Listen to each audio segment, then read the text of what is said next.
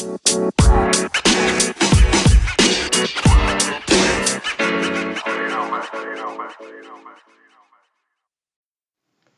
och välkomna!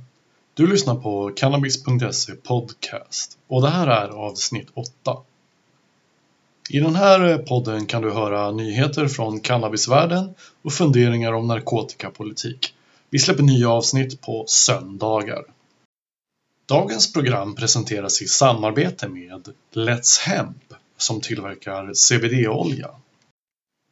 I veckan som gick så skapade moderaten Hanif Bali rubriker med en debattartikel i Svenska Dagbladet om att vi bör utreda legalisering av cannabis.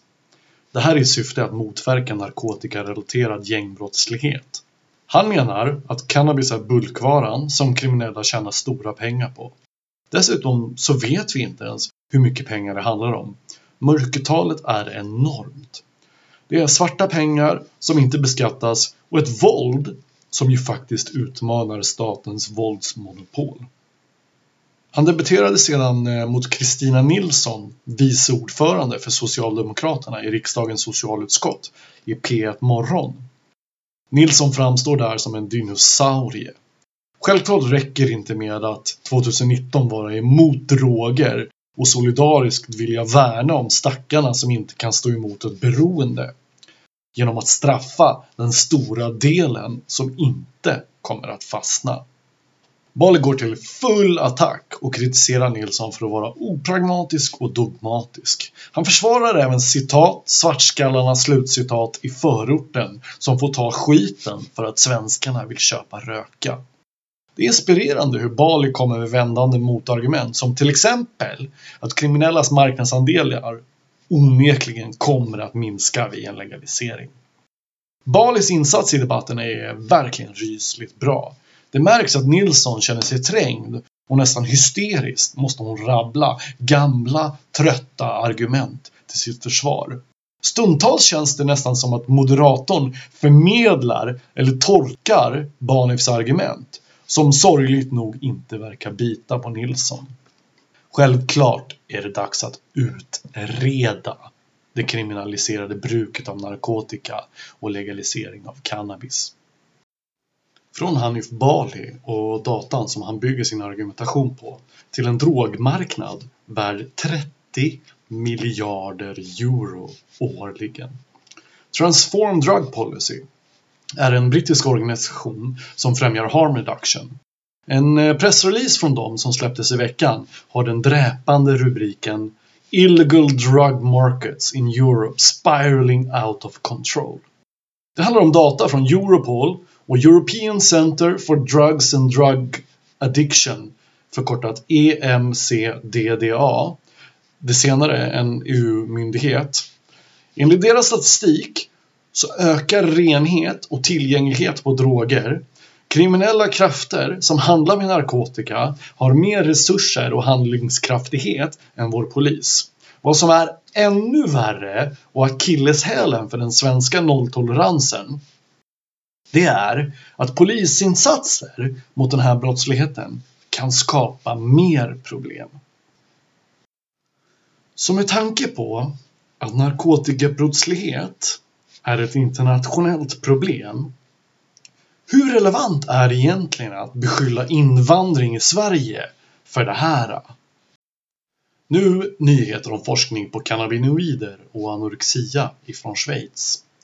Forskare kan där se skillnader på patienter med anorexia och friska kontrollpersoners nivåer av kroppsegna cannabinoider. Det handlar primärt om anandamid och att blodnivåerna är väldigt låga för patienterna med anorexia. Ämnet som produceras naturligt i våra kroppar interagerar med cannabinoidreceptorer, vilket även THC och CBD gör. Reklam från vår sponsor Let's Hemp är du intresserad av CBD? Kolla in deras hampaoljor och kapslar. Om du beställer i deras webbshop letshemp.com så kan du använda rabattkoden CANNABIS 15 som ger dig 15% avdrag på priset på din beställning. Alltså rabattkoden cannabis15. Det har förekommit en hel del ifrågasättande kritik i sociala medier om Anders Övergård, a.k.a. Arga snickaren, och hans nya serie Anders och knarket på TV4. Mindre bra är att första avsnittet i princip bygger på lobbyisten Lennart Karlsson. En narkotikapolis, före detta ordförande i RNS och numera ordförande i Svenska Narkotikapolisföreningen, förkortat SNMPF. Det är lustigt. En märkeströja eller uppenbart politiska budskap hade suddats ut av redigerare. Men Karlsson får ändå sitta där med en pin på kavajen för Svenska Narkotikapolisföreningen i inledande samtal på bästa sändningstid. Men trots det dåliga valet av en tjock knark-Rambo som sidekick och TV4s dåliga renommé när det gäller narkotika och saklighet så är det här programmet ändå något på spåret. Det är en sån väsensskillnad mellan etablissemanget och unga när det kommer till synen på narkotika. Det är som att samhället och dess företrädare är chanslösa när det kommer till att påverka. För argumentationen är gammaldags och unga idag är pålästa. Plus att knarket är normaliserat. Vad som också är tydligt är hur jävla enkelt det är att köpa droger.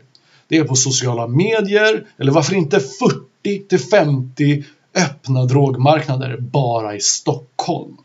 Det går snabbt och är till och med köparens marknad ibland. Med langare som konkurrerar med god service och möjlighet för utkörning på bekväma tider. I ett Sverige som ju faktiskt har som övergripande mål för narkotikapolitiken att vi ska vara ett samhälle fritt från narkotika. Snacka om disconnect. Den arga snickaren har även förekommit en hel del i media senaste tiden. I ett debattinlägg publicerat på SVT Opinion frågar han sig Ska unga inte få jobba på dagis för att de har testat cannabis och åkt fast? Veckans utnämning går till Hugo Hamarin som har fått Sativex utskrivet för sin spinal muskelatrofi, vilket orsakar problem med spasmer, muskeltrötthet och motoriken. I en skön Youtube-video berättar han om hur Sativix hjälper honom. Det här är viktigt, för han är så öppen med sina problem och hur det drabbar honom. Han har fått utskrivet vid Smärt och psykiatricentrum Malmö, förkortad SBC. Det är glädjande att se hur svenska cannabisanvändare blir mer och mer öppna med att streama sina åsikter. Robbe Bengtsson är en annan. Men Hamarins göteborgska Tarantino-vibe med scenen, ett brunt rum i bakgrunden och bowlingskjortan, det berör och påverkar en. Han lyfter dessutom ett intressant juridiskt argument. Med till exempel recept för Sativex så är du immun mot polisens hetsjakt på THC i urinet. Hej och tack för att du lyssnade på veckans avsnitt av Cannabis.se eh, Podcast. Länkarna till källorna hittar du genom att surfa till cannabis.se, välj podcast i menyn och gå till avsnitt 8. Om du gillar att lyssna på det här får du gärna hjälpa oss genom att klicka på stödcannabis.se på vår hemsida. Där kan du donera med betalkort eller via kryptovaluta. Tack så mycket!